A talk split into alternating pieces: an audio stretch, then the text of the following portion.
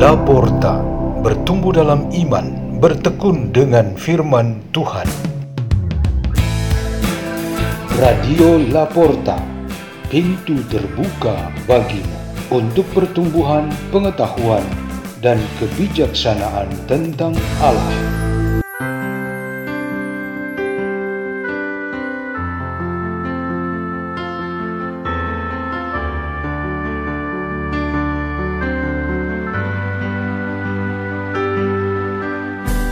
Bacaan dan Renungan Sabda Tuhan hari Sabtu, pekan ke-32 masa biasa, 19 November 2023. Dibawakan oleh Albertus Ragil Wisnumurti dan Julianti Erida Hutapea dari Sekolah Saint Peter di Iskupan Agung, Jakarta.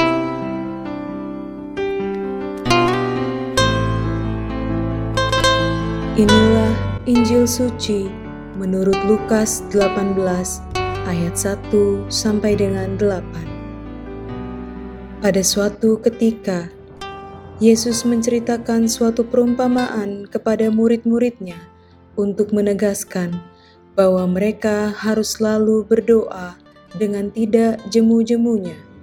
Ia berkata, "Di suatu kota ada seorang hakim yang tidak takut akan Allah dan tidak menghormati siapa pun.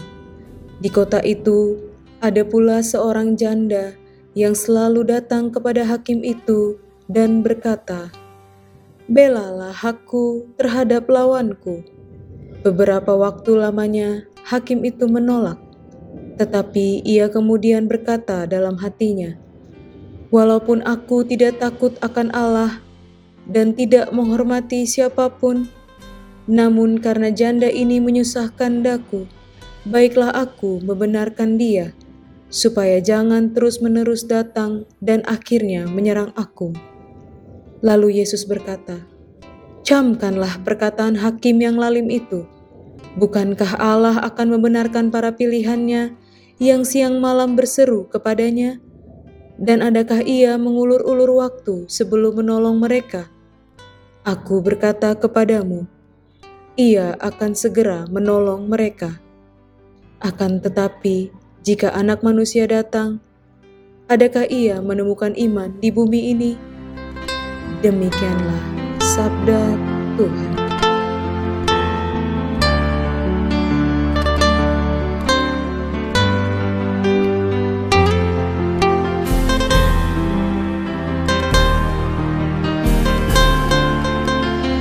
Tema renungan kita pada hari ini ialah Tuhan bertindak cepat dan tepat. Ada pertemuan antara dua kutub manusia yang dapat menjadi pembelajaran bagi kita hari ini. Ada seorang hakim yang hebat, kaya, sombong, dan sangat berpengaruh. Ia hanya menikmati kehidupannya sendiri yang berada. Di pihak lain, ada janda yang punya masalah ia miskin, masih dihantam lagi masalah yang serius, yaitu pengadilan yang berlaku tidak adil kepadanya. Ia bagaikan jatuh tertimpa tangga besar.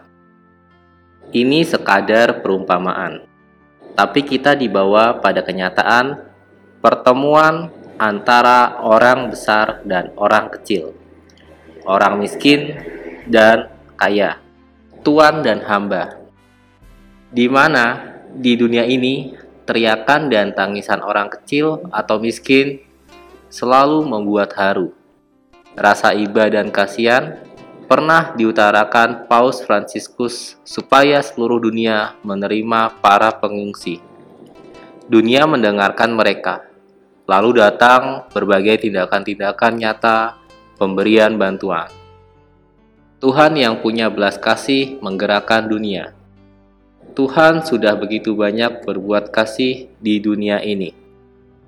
Dan hari ini kita mengenal tindakannya yang cepat dan tepat. Tuhan bertindak cepat dan menjadi pembebas atas suatu keadaan yang pas dan tepat. Keadaan itu ialah orang-orang yang tidak punya pendukung, pembela, dan penopang. Janda di Naim yang anak lelaki tunggalnya meninggal dunia langsung ditolong oleh Yesus. Orang lumpuh di kolam Bethesda tak punya siapa-siapa yang menolong mengangkatnya ke kolam ketika airnya bergerak dan Yesus langsung datang menolongnya. Ini adalah contoh-contoh Tuhan yang bertindak cepat. Banyak di antara kita yang mendapat mujizat yang cepat dari Tuhan dengan kondisi atau kenyataan yang berbeda-beda ukurannya. Ada orang yang mungkin merasa belum mendapatkan pertolongan dari Tuhan. Lalu mereka mulai membuat pandangan sendiri-sendiri tentang Tuhan. Ada yang cukup sabar dan punya pengharapan besar akan datang saat yang tepat. Ada yang sudah menyerah untuk berharap dan berdoa karena mereka menunggu sudah lama. Lalu mereka menjadi pasif dan apatis. Bahkan ada yang emosi dan marah-marah kepada Tuhan. Bisa jadi faktor ketepatan atau waktu yang pas itu belum ada. Mengapa belum ada? karena masih ada sesama di sekitar yang bisa membantu.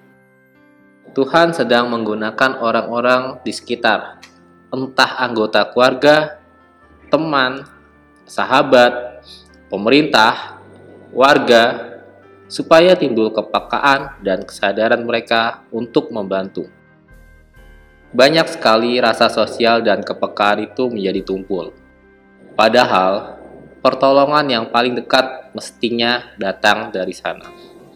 Pertolongan itu juga sumbernya dari Tuhan sendiri. Marilah kita berdoa dalam nama Bapa dan Putra dan Roh Kudus. Amin. Ya Tuhan, dari segala penyelenggaraanmu, kami menaruh harapan untuk kelayakan dan keselamatan hidup saudara dan saudari kami yang sangat berkekurangan dan tak berdaya lagi. Semoga mereka mendapatkan dukungan darimu. Kemuliaan kepada Bapa, Putra, dan Roh Kudus, seperti permulaan, sekarang, selalu, dan sepanjang segala abad. Amin. Dalam nama Bapa dan Putra dan Roh Kudus. Amin. Radio Laporta, pintu terbuka bagimu.